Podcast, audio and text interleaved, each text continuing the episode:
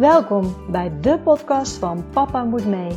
De podcast voor reislustige gezinnen en de podcast die je meeneemt op onze reis naar onze wereldreis. We hopen jullie hiermee te inspireren. Reizen jullie met ons mee? Let's go! Welkom bij weer een nieuwe aflevering van de podcast van Papa Moet Mee. Mijn naam is Annemarie. En mijn naam is Frans. En we nemen jullie mee op onze wereldreis. Ja, even altijd beginnen waar we zijn op dit moment. We zitten nog steeds in Nieuw-Zeeland op het Noordereiland. En we zijn eigenlijk in het uh, bijna noordelijkste puntje van het Noordereiland. Ja, daar hebben we overnacht. En vandaag zijn we eigenlijk uh, naar het noordelijkste puntje gereden. Ja. Dus daar hebben we eigenlijk het meest noordelijkste punt gehad en het meest zuidelijkste punt van Nieuw-Zeeland. Precies. En ik had voor deze week eigenlijk op Instagram gevraagd: wat, vonden, wat vinden jullie leuk om te horen? Een specifiek onderwerp of een keer een vraagronde? En het merendeel uh, stemt op een vraagronde. En er zijn ook heel veel leuke vragen gesteld. Uh, en die gaan we eigenlijk met jullie uh, doornemen. Dus het is vandaag, kan je het ook wel een QA noemen. Dus uh, ik ga gewoon de eerste vraag erbij pakken.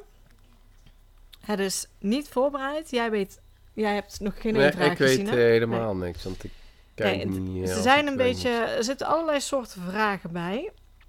En ik denk om te beginnen kreeg ik een leuke vraag. Sommige overlappen elkaar ook een beetje. Uh, ik ben hem erbij aan het pakken en even het zoeken. Iemand vroeg wat is beste leeftijd voor een wereldreis met kinderen? 0 tot 4, 5 tot 12 of pas een keer als ze 16 zijn? En ik heb een soortgelijke vraag ook gehad. Die komt daar een beetje overheen. Want iemand anders vraagt: wat zou volgens uh, jou, jullie, de jongste leeftijd zijn dat je met kinderen zo'n reis kan maken? Dus die overlapt een beetje. Nou, denk ik Althans, ik weet niet hoe jij erover denkt, maar mijn mening is sowieso dat met kinderen kun je altijd een lange reis maken, ongeacht welke leeftijd ze hebben. Wij hadden zelf het gevoel toen wij kinderen kregen. Ja, ja zelf... wij reizen eigenlijk zeg maar met kinderen al vanaf dat ze baby, uh, zijn. baby zijn. En dan uh, niet standaard uh, vakanties, hè. Nee, uh, we hebben ook al een keer gedaan, maar we zijn zeg maar begonnen uh, met één uh, kindje toen een rondreis door Canada gemaakt. En met name, ik was daar heel huiverig voor. Ja, we dachten eigenlijk, en dan denk ik met name de omgeving, die zei altijd, als er kinderen komen, dan, dan stopt het reizen, dan moet je naar campings toe. Nou, dat is eigenlijk ook waar wij ons ingeprent hebben. Ik weet niet of dat... Nee, ja, ik wou het niet werd. helemaal. Nee, maar we hadden wel zoiets van... Uh, voor kinderen is het veel leuker op een camping. Ja. Want daar hebben ze vriendjes en uh, dan kunnen ze iedere dag spelen. En uh, dat was eigenlijk de reden van... daar worden ze toch ouder, hè, dus dan gaat het meer naar een camping en een vaste plek. En toen zijn we eigenlijk naar Canada uitgeweken. We hadden samen wel al wat rondreizen gemaakt. Hè, door Thailand en Mexico. En, ja, we hadden uh, samen al veel gereisd. Maar ja. ja. de eerste keer dat onze oudste in een vliegtuig zat, was ze drie maanden. En ik denk, iedere leeftijd heeft zijn voordelen en zijn nadelen. Want die zijn er ook zeker. Ja, en vliegen is sowieso een nadeel. Omdat, en ik heb vliegangst. Jij bent vliegen nadeel. nee, maar ja, als, als je kijkt eigenlijk... Het vliegen is op zich altijd goed gegaan. Bij een babytje weet ik... Ik, uh, ik heb redelijk lang borstvoeding gegeven. Dus toen zij nog zo klein was, gaf ik borstvoeding. Dus wat ik deed, hè, de meeste kinderen krijgen in het vliegtuig... kunnen ze last krijgen van hun oren. Vooral babytjes, die kunnen Maar dit was naar Griekenland. Ja, toen Ja. gaf ik borstvoeding. Ja, ja. Eh, en wat ik dan deed bij het eh, landen, dan eh, legde ik haar aan aan de borst. Ze zei, als je zuigt, zeg maar, dan gaan je oren niet dicht zitten. Dus je kunt ze of de fles geven of dan borstvoeding geven. En dan gaat het in ieder geval goed met de oren. En ik denk wat bij ons heel erg mee heeft gespeeld toen ze zo klein waren. En dat is voor iedereen apart en ieder gezin en ieder kind. Wij hebben gewoon best wel moeilijke baby's gehad, kunnen we zeggen. En die hadden ook totaal geen ritme. Ik weet dat er, er zijn kinderen die echt op een vaste tijd moeten slapen in een bedje. En onze kinderen eigenlijk, hè, toen we de eerste kregen, die sliep nooit. Ook toen we in Griekenland waren, was ze drie maanden oud. En ze werd daar de baby that never sleeps genoemd. Die was altijd wakker. En die kwam heel moeilijk in slaap. En het beste in slaap kwam ze als we gingen wandelen of in de draagzak. En, nee, dat waren hazenslaapjes. Het was ja, nooit meer dan dat. Nee. Want Griekenland, zeg maar, daar zaten we op één locatie. Daar deden we niet rondreizen. Nee. Dan zaten we in een hotel, uh, één locatie. Was uh, even misschien, uh, wij zijn daar getrouwd, dus we gingen ja, naartoe voor ons, van ons huwelijk. huwelijk. Maar we zaten één locatie en ja, echt genieten is er, was er toen nog niet echt bij, zeg maar omdat we, we hadden wel heel veel familie bij. Dat maakt voor ons een heel stuk lichter. Maar wij moesten, zeg maar, jij gaf nog borstvoeding. Ik moest in de kinderwagen, zeg maar, moest ik uh, Robin in de kinderwagen zetten. En daar die straat uh, een paar keer in en uitlopen totdat ze sliep. Dan kwam ik terug, zette ze ik bij het zwembad zaten we dan, hè, het is lekker weer. Dus ik ging zwemmen en na twee keer op en neer te zwemmen, was ze meestal weer wakker. Ja, die sliep echt. echt we hadden een kind dat gewoon bijna nooit sliep. Maar ook een kind die absoluut niet in haar bedje wilde slapen. En dat maakt het voor ons eigenlijk heel makkelijk. Want ik kon haar overal mee naartoe nemen. Het zij in de draagzak, het zij in de wagen. En dan had ik eigenlijk de meeste kans dat ze sliep. Ja. Um, dus wij zaten nooit aan vaste tijden vast. En dat was ook toen we naar Canada gingen. Toen was ze een, een anderhalf zoiets. Um, maar toen hadden wij nog steeds de handen vol, zeg maar, na. Ze sliep toen al niet meer overdag, hè? Nee, het was anderhalf. Dus uh, deed zeg maar twee keer slapen. Als wij... Uh, ooit was ze vermoeid, hè? Dan had ze heel veel gedaan. En dan rond vijf uur, half zes, dan uh, werd ze moe. Maar ja, dan moesten we er alles aan doen om ze maar niet in slaap te laten vallen. Want anders konden we eigenlijk... Ja, ja eigenlijk... dat was de hele avond verpieterd, want dan sliep ze dus echt niet meer. Ja, eigenlijk moest ze overdag nog slapen, alleen het deed ze gewoon niet meer. En dan was de dag net te lang en dan rond vijf, zes uur werd ze moe eigenlijk. Maar als ze dan sliep, sliep ze s'avonds ja. niet meer. Dus we waren continu bezig thuis, zeg maar, om... Wij konden ook nergens meer naartoe. Want als we ze ergens mee, uh, mee naartoe namen, ze moesten altijd ons in de buurt hebben. Dus dan legden ze wel in een bedje, maar dan moesten we er zelf bij gaan liggen. Ja, dat, en gaat het met name om, hè, we konden nergens naartoe, is in, in de avonden. Dus sliep, ze kwam ook heel moeilijk in slaap in de avonden. Dus we hadden echt een heel avondritueel. En, ja, dat, en dat, duurde, dat duurde ontzettend lang voordat ze eindelijk, ze begon altijd in haar bedje toen inmiddels. En dan nog kwam ze uiteindelijk bij ons midden in de nacht. Um, en heel het ritme zat om haar. Ja, het was gewoon heel vervelend. Toen gingen we dus eigenlijk naar Canada. Uh, ja, ik dacht echt van, wat gaan we doen? De meeste mensen dachten van, oh, wat gaan jullie toch ondernemen? Zo en zo in het vliegtuig gaan, want dan, uh, ik zit helemaal in mijn eigen wereld. Uh, jij, jij zei van, ik regel het wel. Ja, dat is ook allemaal prima gegaan. Ik moet zeggen, ja, Daar zie ik dan tegenop. Je voelt je eigenlijk toch uh, bezwaard, zeg maar, omdat je met een baby reist en je weet gewoon een baby uh, zo'n lange tijd niet huilen of niet mopperen. Ja, dat, dat is moeilijk. Dat lukt eigenlijk niet. En je hoopt maar uh, het beste ervan, maar je weet het niet, want de ene dag kan het perfect gaan, maar de andere dag kan ze in één stuk huilen. Hoeft maar een tand, tand door te komen of ik noem maar wat. Uh, maar ik moet zeggen, de stewardessen, mensen om ons heen, uh, die waren echt super ja, we hadden de heenweg echt geluk. Om, want nou ja, als ze anderhalf zijn, dan hoef je natuurlijk geen vliegticket voor ze te betalen. Maar dat houdt dus in dat ze op schoot moeten. En het voordeel is dat je dus minder geld kwijt bent. Het nadeel is als je echt een lange vlucht gaat maken, dan wordt een kindje van anderhalf, zelfs een baby, op je schoot houden. Vooral als ze in slaap vallen en ontspannen raken en alles laten hangen, wordt echt heel erg zwaar.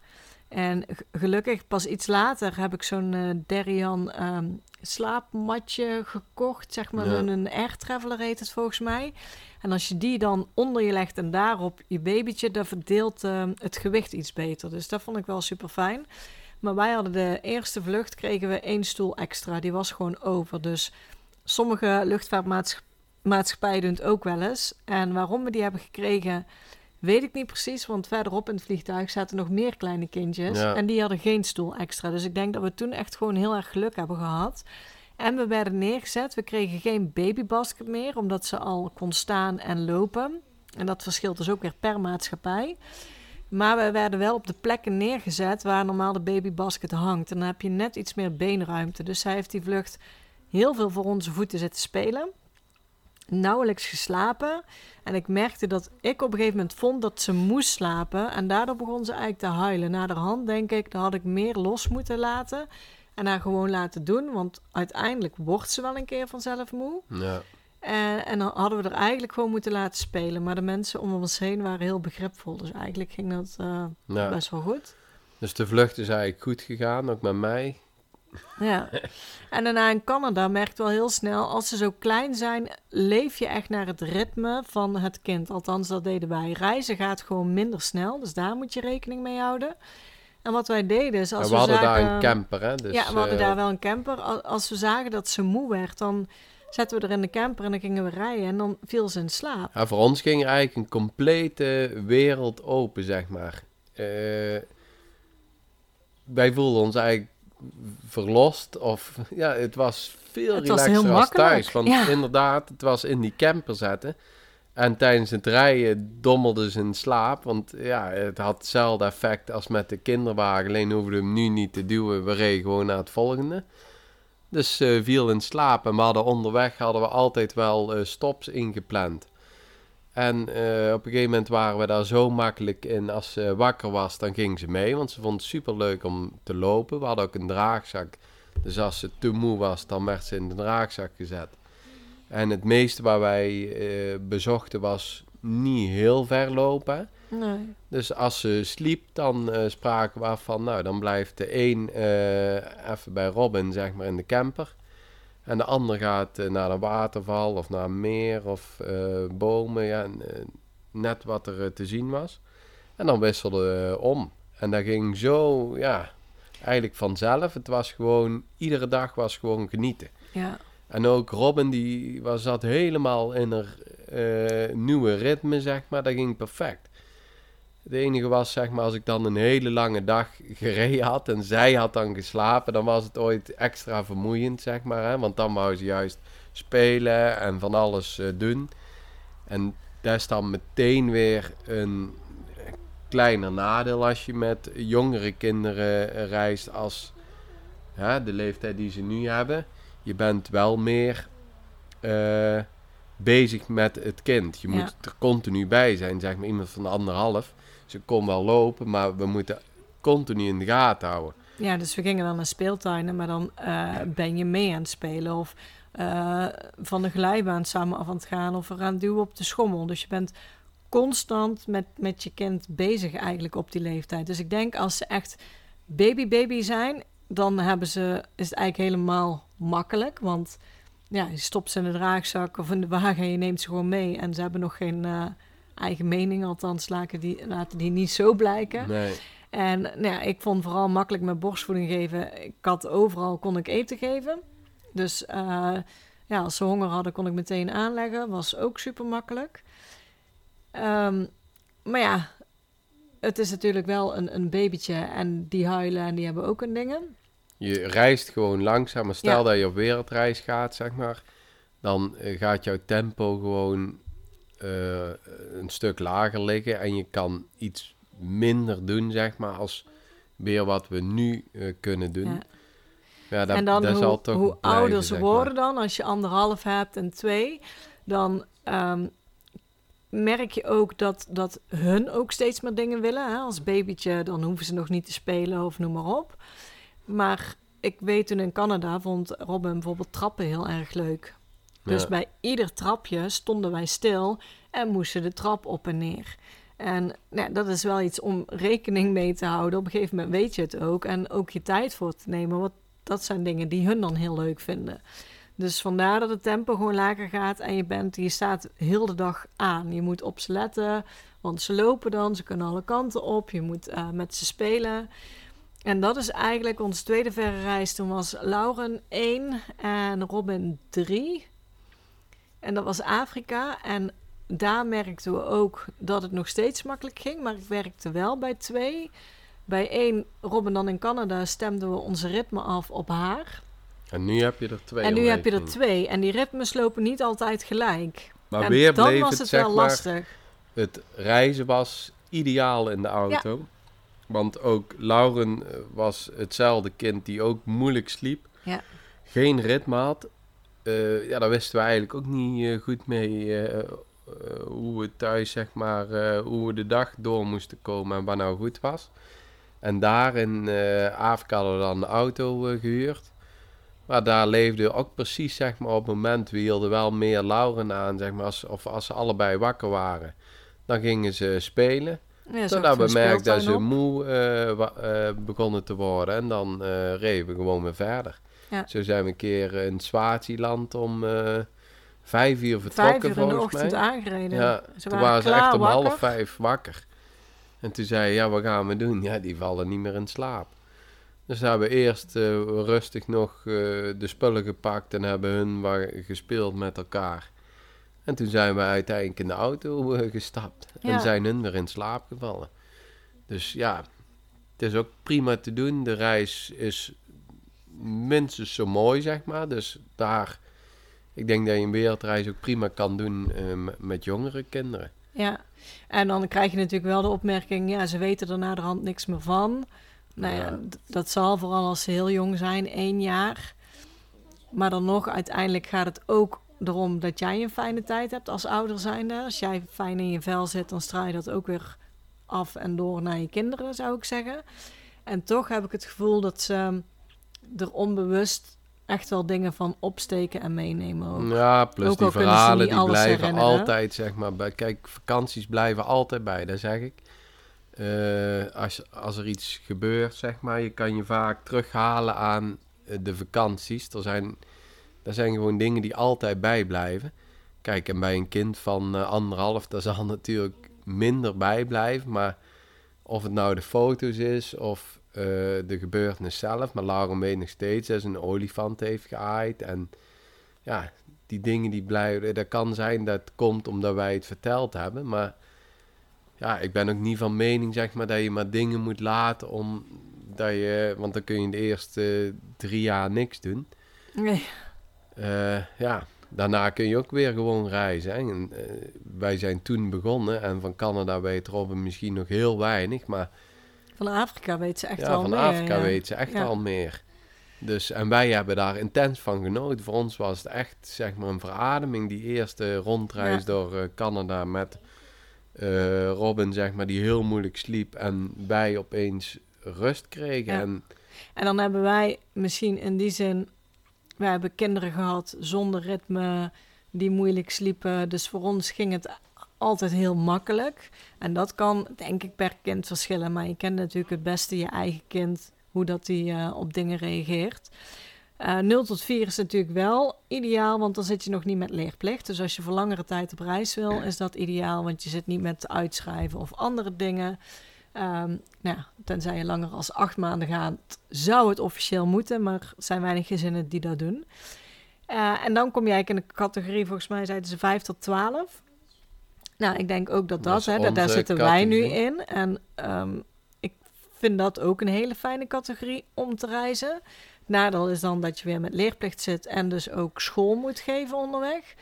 Eh, het voordeel is dat, merk je bij ons al, dat ze echt wel wat zelfstandiger geworden zijn. We zeiden ook, voor ons is het nieuw dat, eh, tuurlijk, wij zitten nog steeds heel veel in speeltuinen, maar meestal Ja, zitten wij erbij. We hoeven doen. niet meer altijd mee te spelen, soms wel, want dat vinden ze nog steeds leuk als we meespelen. Dus je merkt, zeg maar, Maar- nu dat ze ouder zijn, eh, vroeger, of toen ze jonger waren, gingen wij met z'n allen naar bed.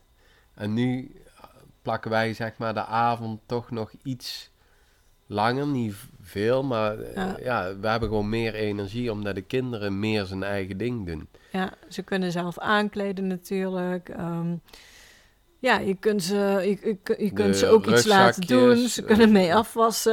nou ja. Ja, spullen dragen. Dus, dus in die zin wordt het iets makkelijker. Aan de andere kant hebben ze ook meer een eigen mening. Dus Ja. zij willen ook dingen. eh, zij vinden echt niet alles leuk wat wij leuk vinden. En daar moet je ook meer rekening mee gaan En houden. geduld, want kinderen zijn gewoon echt loei eerlijk. Ik bedoel, als wij een waterval willen zien, en voor hun is het maar een waterval. Kijk, de natuur, zeg maar, daar hebben we nu in Nieuw-Zeeland heel eh, duidelijk gemerkt. Het Zuidereiland is qua natuur gewoon heel erg mooi. Eh, voor ons eigenlijk mooier als het Noordereiland. Als we het aan de kinderen vragen, oh ja, nou dat weet ik niet. Die zijn helemaal niet bezig, zeg maar, met De natuur. ja, de natuur en de omgeving en de watervallen en eh, noem maar op. Dus ja, voor kinderen die, dat kan, ja, dat werkt wel. Je moet er wel geduld voor hebben. Hun zijn heel eerlijk als ze zeggen van, poeh, niet weer naar een waterval, daar heb ik geen Ja. zin in hoor. Ja, dus Ja, en, en dan zit je, wat zijn ze dan, of pas als ze 16 zijn. Ja, nou ja, boven de 12, dan kom je natuurlijk uit op de middelbare school. Daar hebben wij nog geen ervaring mee, heel Nee, eerlijk. kunnen we niet wat, zeggen. wat ik denk, maar maar voor ons is wel bewust, zeg maar, dat we nu nou zijn ja, gegaan. hè. één, het lesgeven is iets makkelijker nu. Basisschoolstof of middelbare school. Is het onmogelijk? Absoluut niet. Want ik denk dat het reizen in iedere leeftijd mogelijk gaat zijn. Ik denk wel, hoe ouder ze worden, hoe belangrijker ook hun vrienden worden. Ja. Eh, en, en vriendengroepen. En dat het soms moeilijker is om weg te gaan. Maar ja, er zijn ook zat gezinnen die reizen met kinderen op de middelbare school. Of die eh, bijvoorbeeld eh, een MAVO hebben gedaan. En dan ben je op je zestiende klaar en dan een tussenjaar pakken. Dus ja, er is heel veel mogelijk, denk ik. En iedere leeftijd heeft zijn voor- en zijn nadelen. Je kent je kind het, eh, ja, zelf het beste. Dus Ja. eh, schat gewoon in wat jij En het zelf is lekker, zeg maar, om... je bent nou in ons geval zoveel maanden gewoon echt met z'n vieren. Dus als gezin is het ook eh, mooi. En dat zal op iedere leeftijd zijn. Want ja, als ze daar 12 en 14 zijn, noem maar wat... dan nemen ze toch meer afstand van jou thuis. Maar hier op reis ben je wel echt met elkaar. Dus je hebt dan heel veel tijd, zeg maar, om tot, tot elkaar en met elkaar te komen. Dus ik denk eh, dat iedere leeftijd zo eh, toch wel iets moois heeft. Yes. Eh, dan kreeg ik ook een vraag over onze bagage. Eh, ze zeggen, eh, jullie hebben aan het begin van de reis spullen ingepakt, gelet op gewicht enzovoort. Zijn jullie tevreden? Ehm, en mensen willen ook weten, wat hebben wij ingepakt en wat hebben we nog niet gebruikt? En ook andersom, wat heb je thuis gelaten en had je toch graag bij je willen hebben? Dus met name over onze bagage. Ik denk, wij reizen niet super, super, super licht. Wij hebben twee grote reistassen bij en dan alle vier nog een rugzak. Wij reizen ook niet super zwaar. Ehm, wat ik bij me heb qua kleding is voor iedereen een ehm, kledingtasje, of hoe noem je dat? Zo'n ehm, Packing cube? ja, ik kwam nu op de naam. Een packing cube met, met kleren. Ik denk zelfs, had daar nog iets uitgekunnen? Ja. Maar het is ook weer zo, als je het bij je hebt... Ik, de meiden, ik denk jij ook, we dragen wel alles. Dus hebben we echt veel te veel kleren bij? Dat denk ik niet. Zouden we het met iets minder kunnen doen? Ook, Had denk ik. Had maar dan Ik krijg denk- je meer wasmomenten. Ja, ik, ik denk als je... Je zou uit kunnen komen met een vier setjes of zo. Ja, dat zou prima te doen Vier zijn. Maar setjes zou genoeg zijn. En we hebben nou denk ik net iets, iets meer setjes. dus voor ons is het iets makkelijker omdat wij voornamelijk in het lente- en zomerseizoen reizen. Dus over het algemeen, eh, ja, als de dus, weergoden ons gezind zijn, reizen we in warme temperaturen. ja, dus met name zomerkleren bij. Ja, En daarnaast, eh, als ik bijvoorbeeld voor de meiden kijk, die hebben dan twee lange broeken bij. En ik zelf eigenlijk ook, ja, één sportlegging en dan een wandelbroek en een dunne lange broek.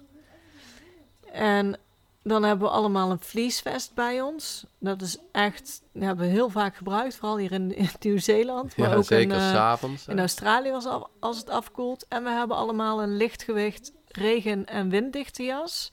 Die hebben we ook, ja, met name hier in Nieuw-Zeeland eh, veel gebruikt. qua schoenen hebben we echt, we hebben één paar schoenen bij. En dan eh, sandalen, de meiden en ik, en slippers. Ja, ik had nog één goede paar eh, meegenomen. Dat had eigenlijk thuis kunnen blijven. Ja, dat was een beetje overbodig. Ja, en ik heb nog op punt staan om aan jouw vader en moeder mee ja, te geven. want we hadden in die zin de luxe dat mijn ouders natuurlijk na, ja, wel, wel na een, een, een, dikke week reizen in Bali kwamen. En daar heb ik wel, ik heb wel één korte broek en een shirtje meegegeven aan mijn ouders toen. Dat ik dacht, oké, dus ik heb misschien wel iets te veel kleren bij me. Dus dat is eigenlijk het eens waar ik dan uh, uit mijn koffer weg zou laten. En verder heb ik eigenlijk meeste gewoon sweatshirts, hè. Gewoon, maar... Uh, ja, ik, geen katoen in ieder geval. Want... Van, van, van die sportshirts heb jij heel veel. Dus dat je, die drogen snel, die zijn snel te wassen.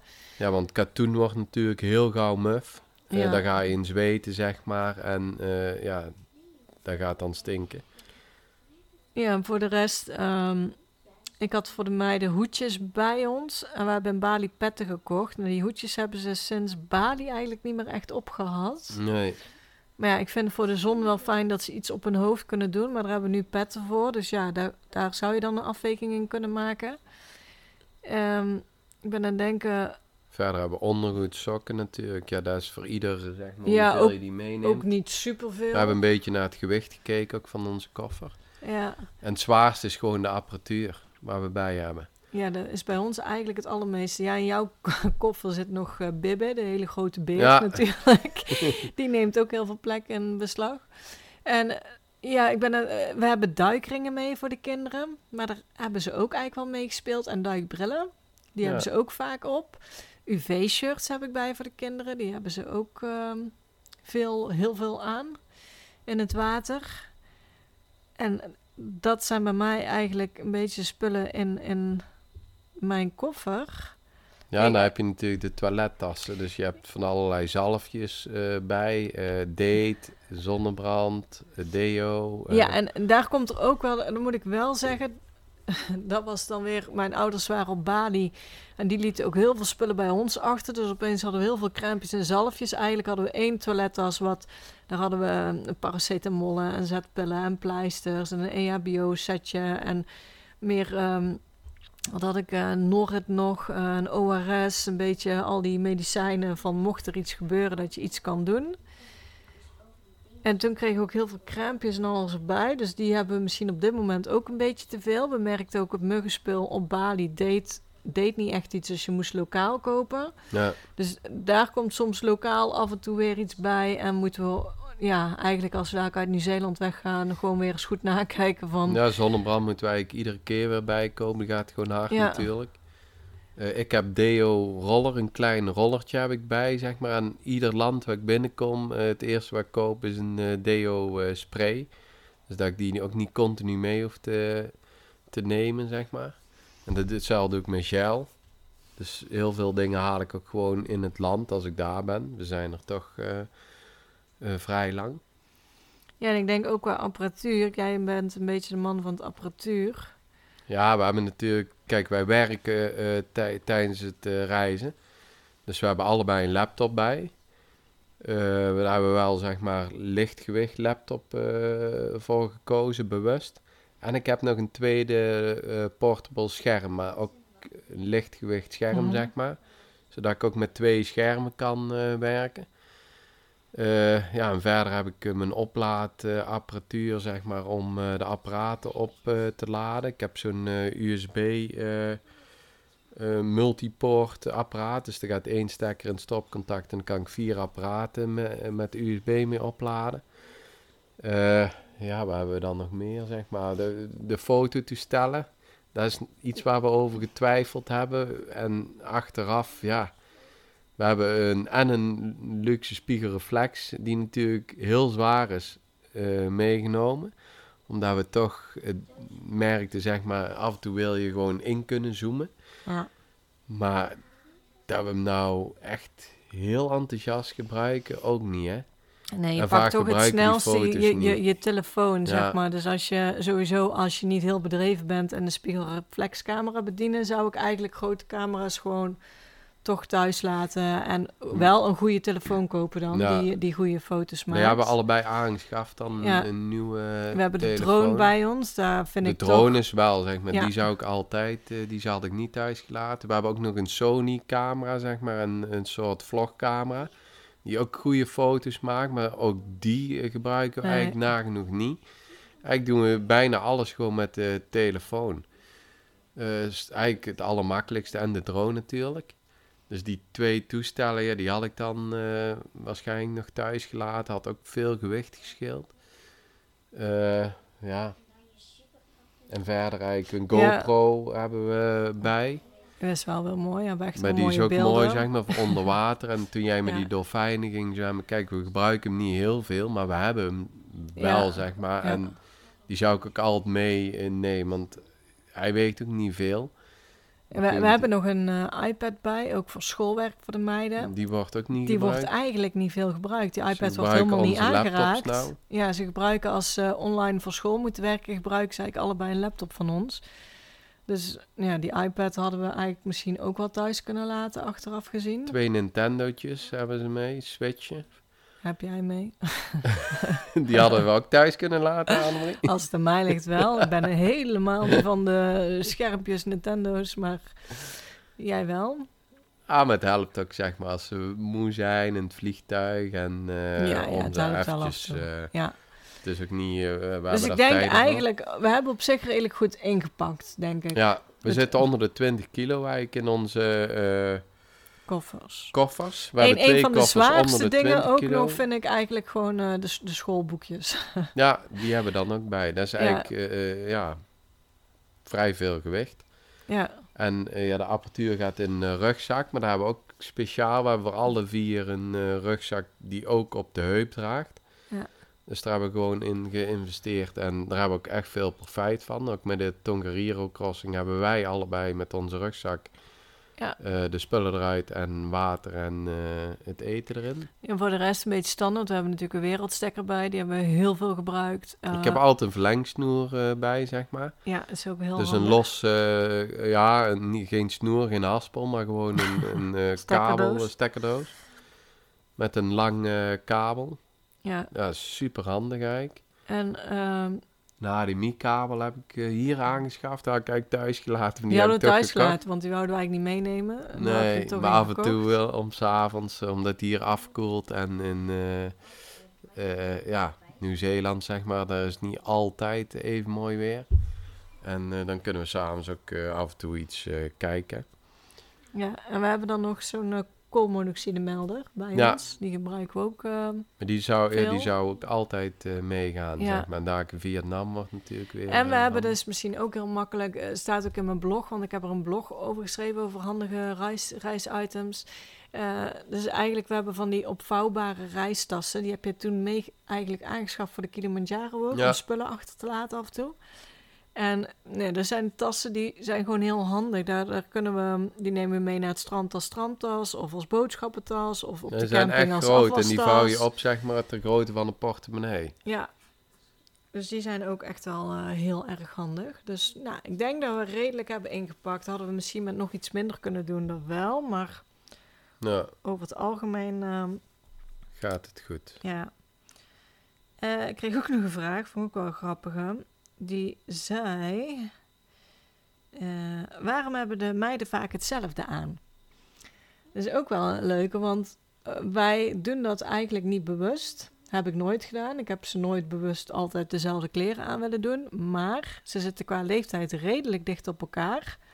En ze hebben dezelfde smaak. Wat inhoudt dat als je met ze gaat winkelen en de een pakt iets en vindt iets mooi, dan vindt de ander dat ook mooi en wil het ook vaak hebben. Ja, we hebben nog meegemaakt toen we eigenlijk voordat we op wereldreis gingen, ben jij met één naar de stad gegaan en ik, eh, Ja. jij naar Eindhoven en ik nam eh, de, de andere naar Den Bosch en daar hebben we omgedraaid.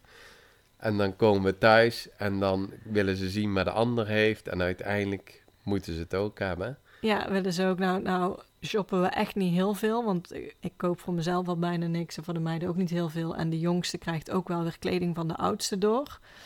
Maar ehm, ja, Dus ze willen vaak gewoon hetzelfde hebben. Ze kiezen vaak zelf s ochtends wat ze aandoen. De ene keer doen ze wel hetzelfde aan, de andere keer ook niet.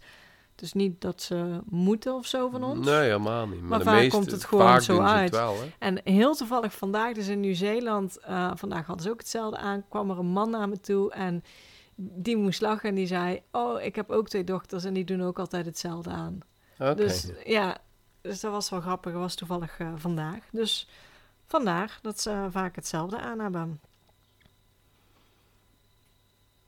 Ehm, zijn er dingen waar jullie tegen aanlopen waar je van tevoren geen rekening mee had gehouden? Eh, oeh. Nee, eigenlijk niet, want ik hou nergens rekening mee. ja, dat is misschien jouw. ik leef echt met de dag, zeg maar. Ik, ja, jij bent van het voorbereiden en het Ja. plannen en ik eh, heb dat eigenlijk nooit gedaan. Dus ik kan eigenlijk heel moeilijk ergens tegenaan lopen. Nee, ik kan echt niks opnoemen. Nee, ik, ik denk ik ook niet. als Het- we, ja, en dat is zeg maar het voordeel als je op die manier leeft. Je wordt heel makkelijk in dingen oplossen. Door met een camper, eh, ja, toen eh, dan hapert die of dat die motor uitvalt, maar we vinden altijd wel een weg. Hè? Ja, maar ik denk qua reizen dat we er nooit, dat we er niet echt ergens tegenaan zijn gelopen. Het gaat eigenlijk best goed, best wel lekker. Ja, heel relaxed. wi- wil niet zeggen dat we nooit een, een, een probleem hebben of iets. Of dat we nooit een, een dag hebben dat, het, hè, dat dingen tegenzitten. Oh Tuurlijk ja, hebben, hebben ook we ook allemaal. zijn. Ja, wat, eh, Maar eh, het is niet dat we echt tegen dingen aanlopen of... ehm, nee. Niet wat we van tevoren... Eigenlijk moet ik zeggen dat het nog juist andersom is. Met name voor mij, zeg maar. Ik zag meer tegen de wereldreizen op als jij. Ja. En ik had best veel dingen, zeg maar. Ook eh, het werken van de afstand. En oh god, hoe zou dat wel allemaal gaan? En hoe moet dat? Maar nee, ik kan niet zeggen dat ik daar tegenaan ben. Het is eigenlijk alleen maar meegevallen. ja. Hoe lang gaan jullie op wereldreis en wat voor bedrag hebben jullie daarvoor uitgetrokken? Toen wij plannen hadden om op wereldreis te gaan, werd eigenlijk heel snel gezegd een half jaar. Dat was het Ja, initiële plan. We gaan een half jaar, een half jaar op pad. En ik had bedacht dat een half jaar een 50 à 60.000 euro zou kosten. Ehm, op een gegeven moment is dat half jaar van de baan gegaan en is het eh, langer geworden. Eh, we zijn wel binnen het jaar terug, maar we hebben geen specifieke einddatum eigenlijk. We hebben het nou een beetje opengelaten. We hebben wel eh, iets in gedachten wanneer we ongeveer terug willen zijn. Ehm, maar het is in ieder geval langer dan een half jaar. ja, En korter dan een jaar, ergens ertussenin. Eh maar ja, dat maakt ook dat de kosten iets meer zullen zijn misschien. Eh, dus ik had initieel een 50, 60.000 gepland. Miss- Misschien gaat het nu richting de 70, 80.000. Ik weet het niet. ja, dat is moeilijk ja, te dus, zeggen. dus Ik nu nog weet- moeilijk te zeggen. Kijk, we houden het... ehm, We hebben er gewoon voldoende voor gespaard, zeg maar. Want Ja. we wouden de wereldreis wel op een manier maken, zeg maar.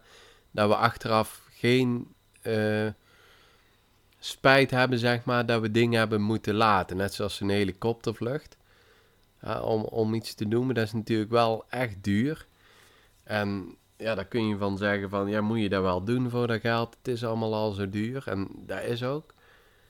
Maar ja, om helemaal naar de andere kant van de wereld te vliegen, iets super gaafs te kunnen doen. En met name, zeg maar, omdat de oudste zo graag sneeuw wou zien.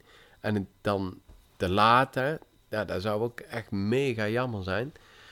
Dan moeten we daar terug zijn, gewoon harder eh, doorwerken.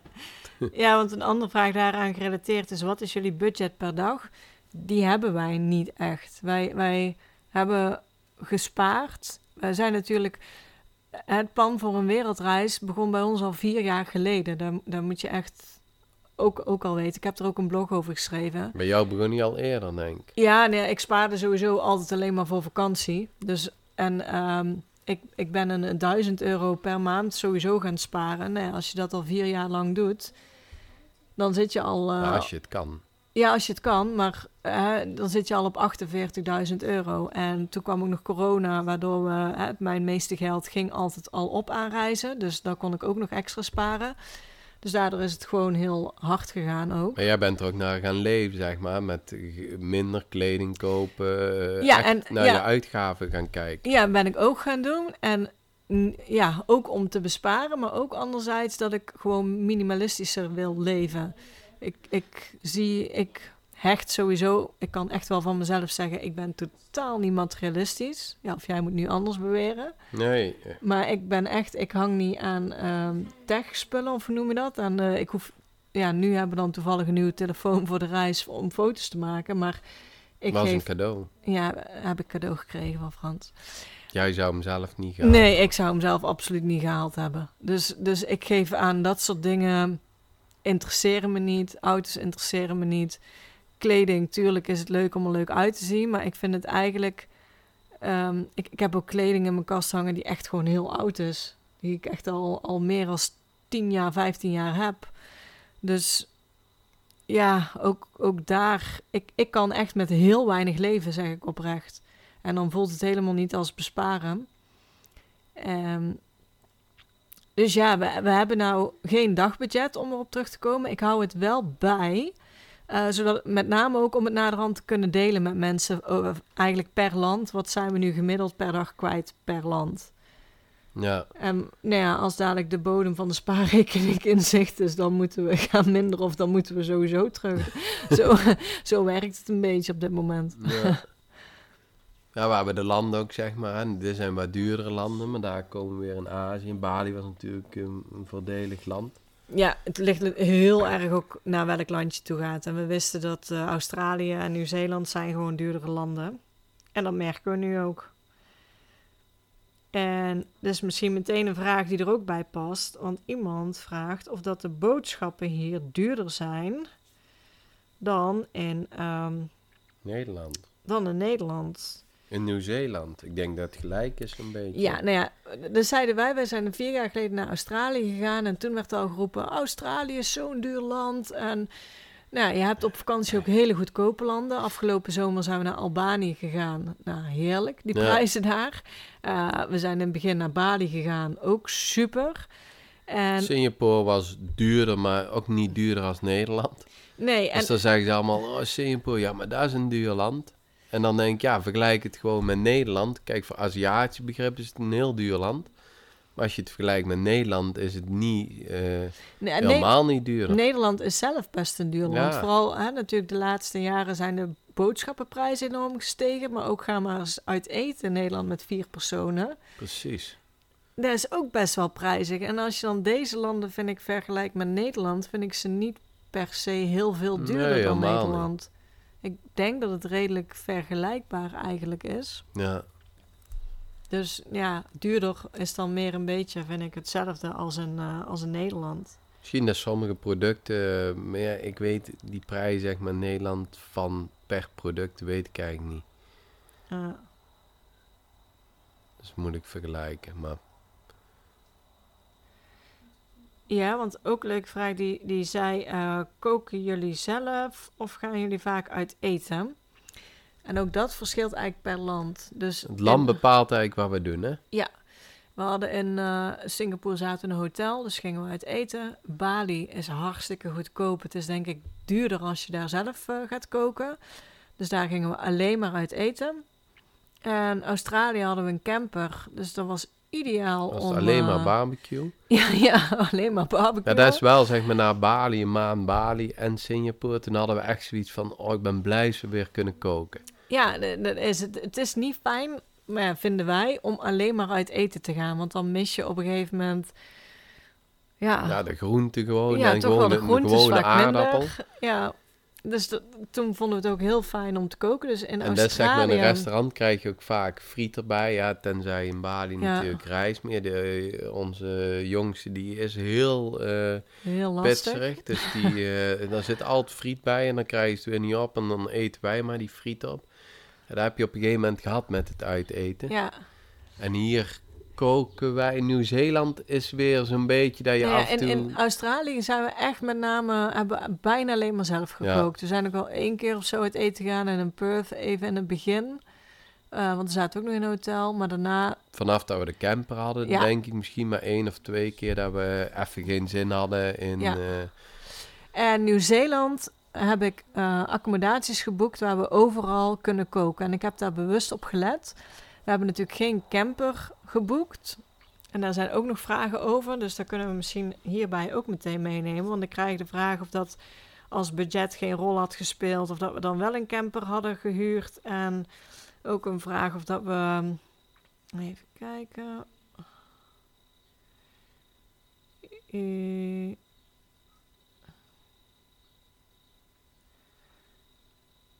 Ja, goede voorbereidingen. Zijn jullie blij dat je accommodaties en auto hebben verkozen boven een camperhuur in Nieuw-Zeeland? We hebben in eerste instantie, die neem ik vraag zeg maar ook meteen hierbij mee. In eerste instantie hebben we voor een auto en accommodaties gekozen omdat het een stuk goedkoper was. Eh camperhuren hebben denk ik wel eens gedeeld. Voor zeven weken vroegen ze een 12.000 euro. En ik zat dacht ik met de auto en de accommodaties in totaal op een 8000 euro. Dus nog een 4000 euro goedkoper. Maar dan moet je wel natuurlijk in overweging nemen. Tuurlijk, de boodschappen waar we het over hebben gehad, zijn die duurder als in Nederland? Denk het niet echt. Maar ehm, nou ja, als je constant uit eten moet gaan, wordt het natuurlijk wel best prijzig. Dus bij de accommodaties hebben we overal op gelet dat er of een gezamenlijke keuken of zelf een keukentje bij zit. Zijn dan echt niet altijd uitgebreide keukens, vaak maar twee pitjes dat je hebt, eh, als het geen gezamenlijke keuken is. Maar dat we in ieder geval wel overal zelf kunnen koken, om zo wel ook de kosten ja, laag, te te houden. houden. En ja, wat ik zeg, nou, als je zoveel maanden reist, is het ook gewoon fijn om zelf af en toe te koken. En deze landen lenen zich daar perfect voor. Ja, Ehm, ik heb totaal geen spijt ervan dat wij toen der tijd op basis van budget hebben gekozen voor een auto en accommodaties. Ik hoorde overal dat je Nieuw-Zeeland perfect is voor camperaars en dat je het land het beste ervaart met een camper. Nou, wij met een auto en accommodaties hebben gereden, kan ik echt zeggen dat ik dat niet waar vind. Nee. Het voordeel van een camper is dat je dus op sommige plekken hier gratis mag staan. Ehm, en tuurlijk kan je dan midden in de natuur staan op idyllische plekken. Maar dan nog zul je om de zoveel dagen toch een keer of naar een camping moeten. Of in ieder geval af en toe. Eh, lege stroom, zeg maar. Wifi is natuurlijk niet sterk op campings. Nee, en We hadden al zes weken in die camper rondgereisd. dus eh, ik was eigenlijk ook niet rouwig, zeg maar, dat we besloten om een eh, auto te huren in eh, Nieuw-Zeeland. ja, Want anders hadden we eh, 7 plus 6 zaten we daar 13 weken in een camper. Ja, op een gegeven moment is dat er ook wel vanaf. En inderdaad, het rijden, zeg maar, hier. Het is hier gewoon een stuk drukker. En, eh, landen als Australië en Canada, die lenen zich eh, in mijn ogen veel meer voor een eh, camper als hier in Nieuw-Zeeland. ja, en misschien is het ook de overgang. Want we zaten in Australië natuurlijk in het westen super dun bevolkt. We hadden alle ruimte. Wij konden een hele dag rijden en misschien maar vijf auto's tegenkomen. Nou, maar hadden we ook in de oostkust. Ja, en eh, bij de supermarkten was enorm veel, veel parkeerplek. Wij hoefden in Australië nooit bang te zijn of dat we de camper kwijt konden of niet. En dan reisden wij hier natuurlijk wel in het hoogseizoen in Nieuw-Zeeland. En als, als ik kijk, wij zijn geland in ehm, Christchurch. En toen we boodschappen gingen doen, de eerste de beste, daar hadden we met de camper al niet in kunnen gaan. Want er was een soort parkeergarage voorbij de supermarkt. Ja, Dus dan hadden we daar al langs de kant van de weg of zo een plaatsje moeten zoeken. Het was bij sommige wandelingen, zoals die eh, Hooker Valley Track, was het echt zo super druk. Daar stond, ik denk wel een kilometer of langer langs de weg, allemaal auto's en campers geparkeerd. Dan hadden we echt al een eind moeten lopen naar het begin. En met een auto rij je toch gewoon een parkeerterrein op. En dan hadden we gewoon voor ons reed een auto weg en konden we parkeren. Ja. Ja, met de camper was het gewoon niet gelukt.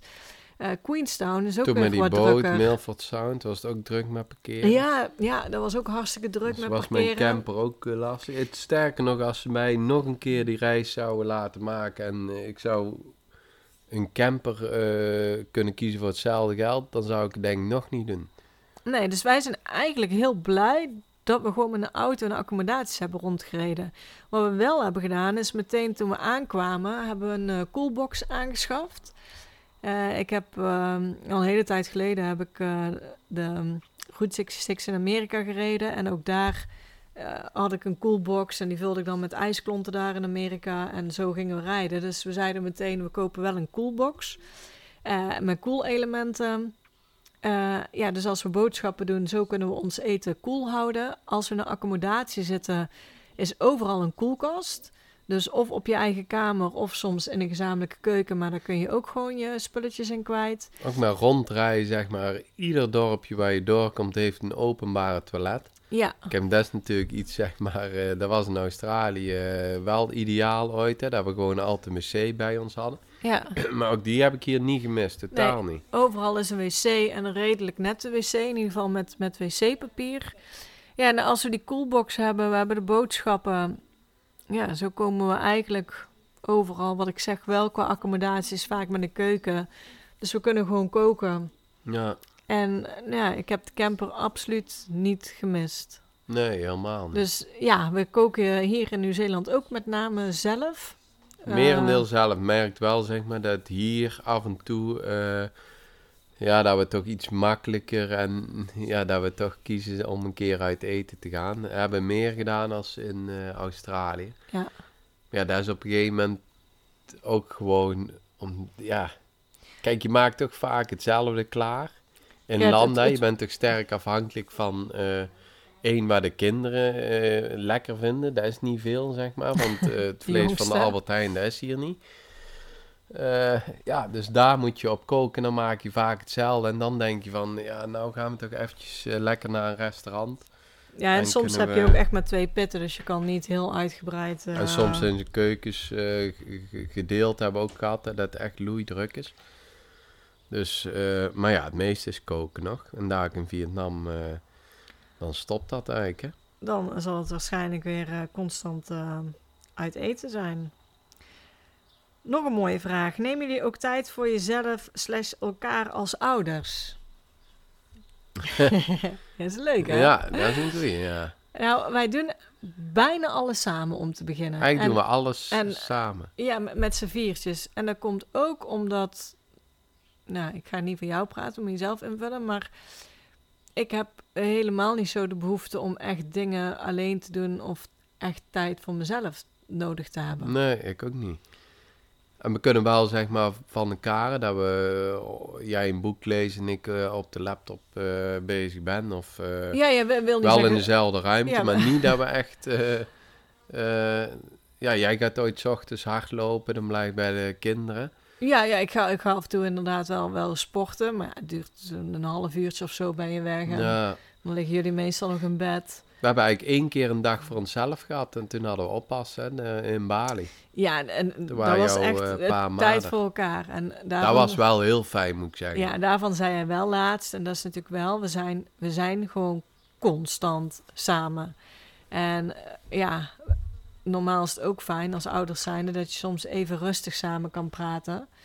Eh, die momenten zijn heel schaars. En toen in Bali hebben mijn ouders één dag eh, opgepast. En eh, toen zijn we samen met het scootertje erop uitgegaan. Ja, dat was echt super. Dat was Ja, gewoon heel lang geleden super, dat we ja. zo'n dag hadden. Ja, en nu gaat dat gewoon niet meer. Ja, die, die heb je thuis ook niet, zeg maar, heel Nee. veel. En voor de rest, ja, wat ik zei, soms is het fijn en soms willen we samen even rustig dingen overleggen voor de reis of iets anders. Ja, we hebben twee luistervinkjes erbij die Ja. constant bezig zijn. Dus waar wij het rustigste kunnen praten is in de speeltuin. Als, als hun volledig aan het spelen zijn, kunnen Als ze wij niet ook... afgeleid zijn, dan... eh, en laatst hebben we op het strand eh, gezeten, hadden twee scheppen mee, hebben ze daar eh, Ja, een prachtige zitkuil gegraven. Nou, wij echt de hele dag bijna met elkaar kunnen Ja, kletsen. en dan dus moet ik ook zeggen, hun hebben niet altijd zin om de zee in te gaan en te zwemmen. En dat is ook weer het voordeel nu ze wat ouder zijn. Eén, ze kunnen gewoon zwemmen, ze hebben zwemdiploma's. Maar ook als hun dan liever een kuil gaan graven, dan zeggen wij... Oké, mama en papa zijn even in de zee. We gaan niet heel ver, we zijn vlak voor hen, dus we kunnen elkaar zien. Maar ja, omdat ze deze leeftijd hebben, kan je ze iets meer loslaten. Ik bedoel, Ja. we zien elkaar nog steeds, maar nou, dan gaan wij samen in de zee zwemmen. En als ze zin hebben, dan eh, roepen ze en dan komen ze toch naar ons toe in de zee. Of ze blijven scheppen. En dus zo heb je wel af en toe toch Ja. kleine momentjes samen, omdat ze iets zelfstandiger zijn. Maar niet voor jezelf. Maar dat is iets Nee. niet waar wij behoefte aan hebben. Nee, op dit moment nog niet. Wie weet komt het Oh nog. jeetje, ja. Nee, dat... nee, maar eigen- eigenlijk... Nee, Ja, dat gaat goed. ja. Ehm, even kijken. Dan zo eten. Weet ik. Maar misschien is het eentje. Misschien weet ik. Heb nog wat specifieke vragen over Nieuw-Zeeland. Die zullen we zo even doen. En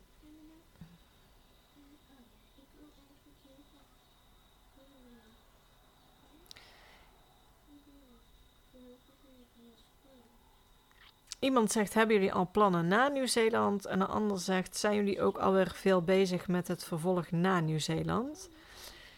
Ja, het plan Daar hadden we is. het laatste over. Dat, dat is ja. ooit wel jammer, zeg maar. het plan is naar Nieuw-Zeeland. Eh, we zijn hier nog een eh, aantal dagen, minder dan een week nog maar. En dan vertrekken we naar Vietnam. En je merkt, en dat vind ik inderdaad af en toe lastig, daar hebben we het laatst over gehad samen ook. We moeten wat voorbereidingen treffen voor Vietnam. En waarom? Eén, Vietnam is best ehm, strikt qua visum. Dus dat moet je Ja, ruime tijd van tevoren aanvragen. Dus dat hebben we moeten regelen. Eh, dan is het eigenlijk uitzoeken waar willen we allemaal naartoe in Vietnam. Daar zijn we nog steeds niet helemaal uit. We weten waar we beginnen. Eh, en ook hoe gaan we daar dan reizen van een volgende plek naar een andere plek. Plus wij vinden het fijn om wel een richting te hebben, zeg maar. Er moet Eh, wel een, een reisroute... in ons globaal hoofd in liggen, ieder geval. Ja. Ja. Dus op dit moment hebben we in ieder geval het eerste verblijf in Vietnam geboekt. En we weten dat we daarna met de trein verder gaan. Eh, en we zijn in Vietnam, we komen echt aan als het Tet is. En Tet is het Vietnamese nieuwjaar. En dan ligt dus heel het land plat. En daarom hebben wij ook, zijn we er eigenlijk een beetje extra ingedoken. Want sommigen die zeggen er is niks open, geen restaurants. eh, er rijden geen bussen meer, geen treinen meer. ehm, Niks Ieder- te verkrijgen. niks te verkrijgen. eh, de pinautomaten zijn leeg of die doen het niet. Al het water is er niet. Dus nou ja, dan komt de vraag: moeten we in een hotel gaan zitten, ja of nee? We hadden eigenlijk een appartement. eh, nou ja, contact opgezocht met die mensen. Dus je, je bent op een gegeven moment toch dingen aan het uitzoeken voor het nieuwe land. En met name ook vanwege die TED van wat kunnen we wel, wat kunnen we niet en eh, wat is handig daarin. Dat ik ook tegen jou zei, ik vind het af en toe lastig. We zitten nog in Nieuw-Zeeland. Ja. Ik wil hiervan genieten. Maar nou ben je al aan het al nadenken naar het over het land, volgende zeg land. maar. En Dan, dat doet afbreuk, zeg maar, aan de tijd die je hier zou moeten genieten. Ja, je wil eigenlijk ook hier in nu leven en hiervan genieten. Maar soms Soms moet je dingen Moet je ook een regelen, uitzoeken zeker en- en omdat wij met kinderen reizen. Ja, dan ben je nog meer... Kijk, op je eigen, met z'n tweeën zou je het nog wel eh, redelijk op de Bonnefoy kunnen doen. Maar plus, ik hou ook veel van eh, zekerheid. Hè, dus ik wil wel dat ik in ieder geval ergens terecht kan. ja, Dus, dus, ja, hebben, daar zijn we dan wel aan het regelen. Ja, dus we hebben bij lange na nog niet alles geboekt. Wat ik zeg, we hebben bijna niks geboekt in Vietnam op dit Nee. moment. Eh, en we hebben wel een beetje in ons hoofd wat we sowieso willen zien. Maar ja, nu is het nog een beetje uitzoeken hoe lang waar we blijven. En eh, Vietnam was eerst heel streng dat je maar 30 dagen had. Dus we hebben echt op 30 dagen gepland. En toen we het visum aan gingen vragen, je kan nou voortaan eh, via het e-visum ook 90 dagen aanvragen. Dus hadden we misschien iets soepeler kunnen zijn. Maar je moet ook volgens mij weer kunnen laten zien dat je het uitreist. Dus we moesten ook weer een ticket kopen om uit te reizen. Dus nou ja, dat is inderdaad wel het lastige aan het reizen. Dat je soms in het hier en nu wil zijn en soms ook bezig bent met, met plannen maken. Ja, Eh, nog wat vragen over Nieuw-Zeeland. Iemand vraagt, zouden jullie in Nieuw-Zeeland kunnen wonen? Ik denk op Instagram heb ik al eens een paar dingen gedeeld. Ehm, wij zijn in die zin zoekende. Waar zouden we graag willen wonen? Hoe zouden we graag ons leven in willen delen?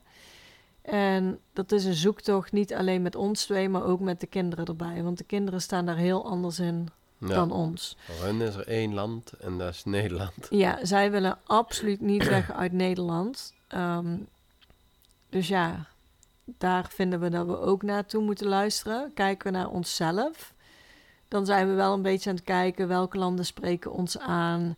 We hebben van tevoren wel gezegd, zeg maar, we gaan in ieder land eens kijken, zeg maar, of we daar eventueel zouden kunnen wonen. Ja, en ook gewoon het gevoel. Wat vinden we dan prettig aan, wat niet. Om ook dat weer mee te nemen naar andere landen.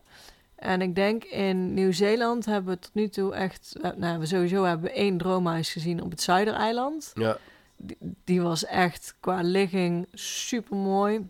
Ik denk op een kwartier of twintig minuten rijden van Queenstown. Dus toch bij een redelijke stad. Maar je had echt een ontzettend groot landschap. We zijn er ook langs gereden. Heel mooi huis. ja, daar zou ik wel kunnen wonen. Ja, ik ook. Alleen ehm kostte het 7 miljoen euro omgerekend, zoiets. Ja, prijstechnisch. dus maar, eh, prijstechnisch kunnen we er niet wonen. en als ik kijk naar waar we ons thuis voelen in, in Nieuw-Zeeland, was het heel duidelijk in ehm Hawaii. Ja, ja. Ik zal het verkeerd uitspreken, denk ik. Maar daar voelden we ons zo fijn in ja, dat dat was plaatje. zo relaxed daar. Dat was echt... eh, Ja, was gewoon super. Qua, qua, ja, qua gevoel was gewoon echt, ja, echt heerlijk, zeg maar. dus dat zou in Nieuw-Zeeland eh, kunnen zijn. Maar ja, dan is de vraag, wil je hier wonen? Dan zit je helemaal aan de andere kant van de wereld. Eh, je kan nergens naartoe, behalve met vliegtuig, waar ik natuurlijk een hekel aan heb. Eh, ja, nee, ik denk niet dat ik hier per se zou willen wonen. Eh, Australië weet ik ook niet. Daar voel ik me ook altijd relaxed. En ik heb ook wel het idee dat ik daar ook nog wel weer een keer voor de derde keer ga komen. Ik vind het een heel fijn land. Zou ik er willen wonen? Ik weet het niet. Ik vind ik moeilijk. Ik- Daar heb je ook weer die vliegen. ons, Ik heb een eh, hekel aan insecten en beesten. Hier zit ook een hoop cicades of iets. Die maken een bult lawaai s'avonds. En Die zaten zelfs eh, tegen ons raam, zeg maar. Dus hier ben ik met een slipper eh, te lijf te gaan. Eh, ja, in, Bali is het natuurlijk benauwd. Wel vaak mooi weer, maar wel drukkend, zeg maar. Daar heb je de gekko's en gruwelijk grote kakkerlakken.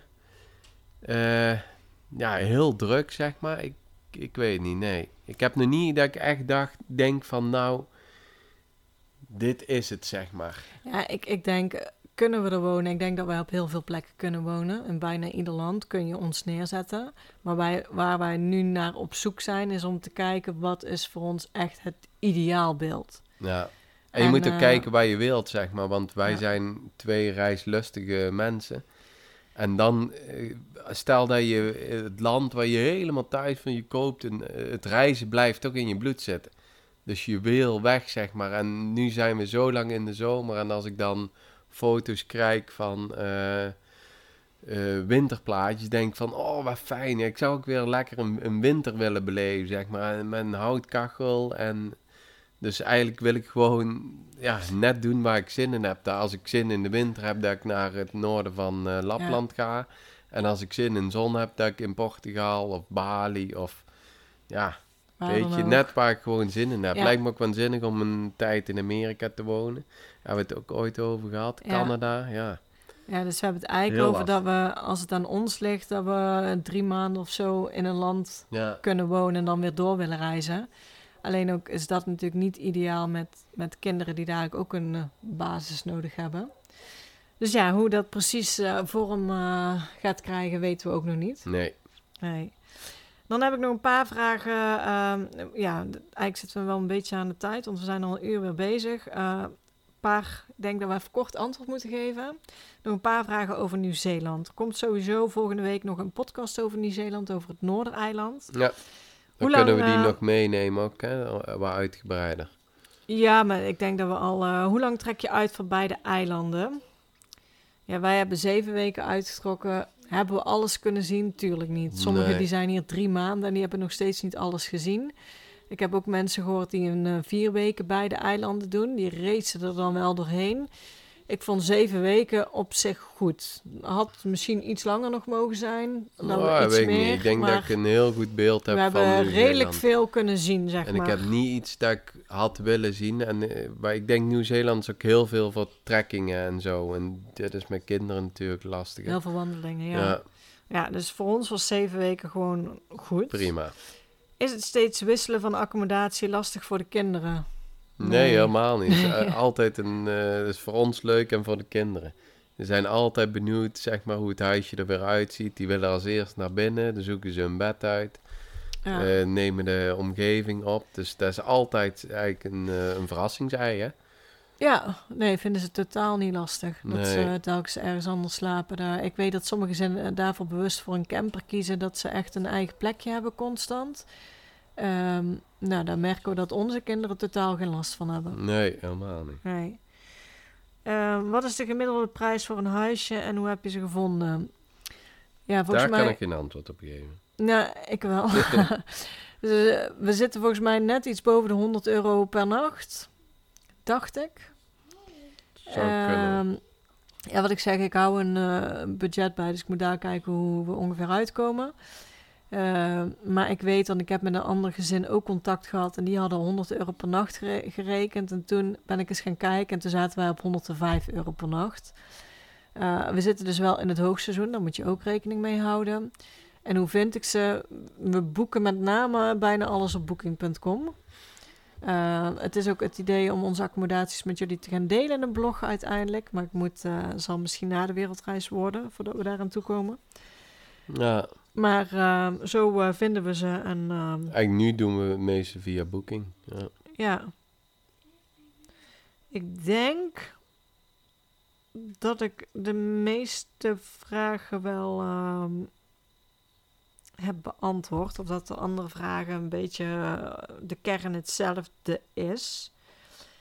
Dus ehm, ja, ik vond het wel heel leuk om een keer vragen van jullie te beantwoorden. Ja. Ik weet niet hoe jij het ik had vond. hier ook nog iemand die had de app niet of iets. Ehm, Ik heb de app niet.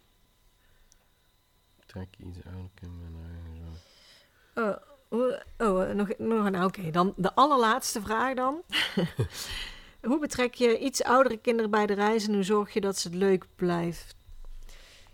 Ehm, wat wij hebben gedaan en wat je kan doen is in ieder geval vragen wat ze per se zouden willen op reis. Je kan ze betrekken bij landen. Je kan ehm, hierover staat overigens ook een heel ehm, hoofdstuk in het e-book per leeftijdscategorie een beetje.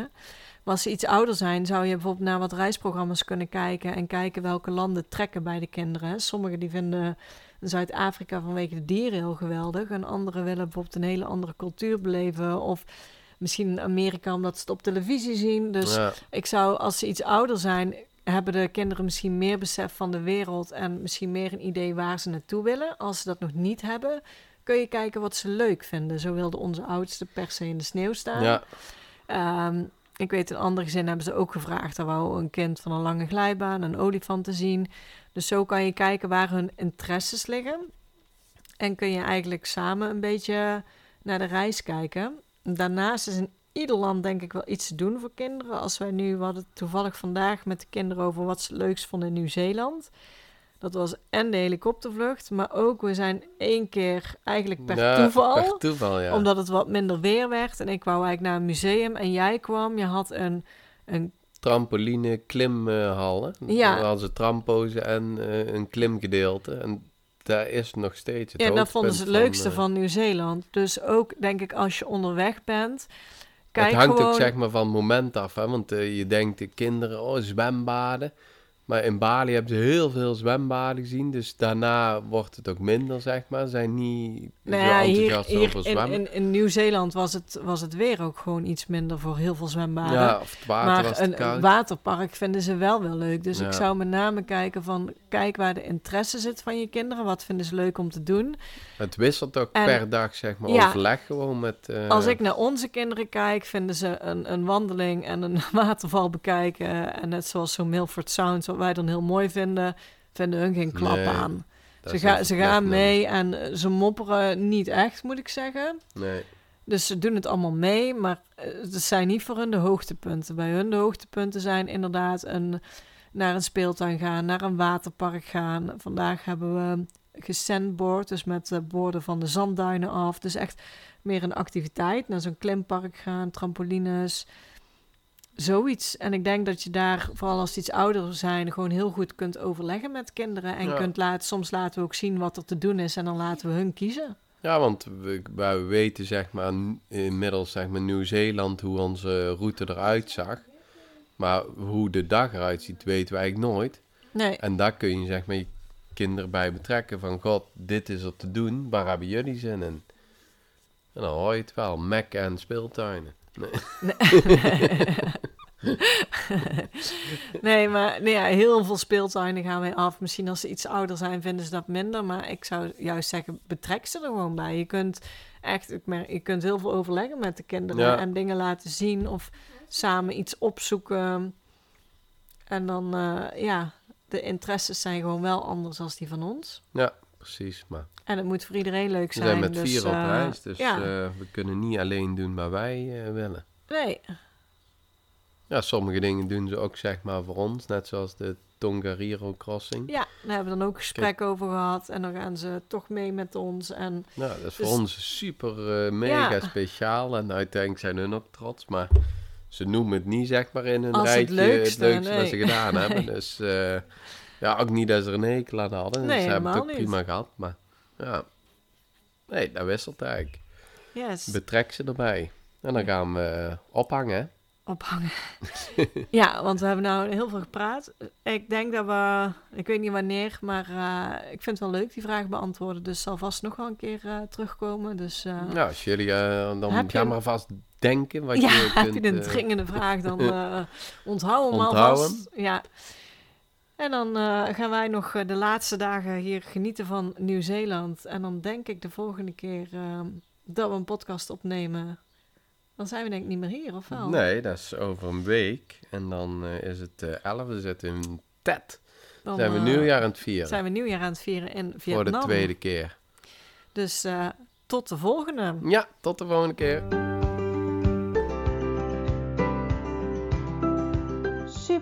Voor het luisteren naar deze podcast. Ik zou het heel leuk vinden als je ons volgt op Instagram. Papa moet mee. Deel deze vooral in je stories als je hebt geluisterd en tag ons en laat ons weten wat je ervan vond. Tot de volgende keer.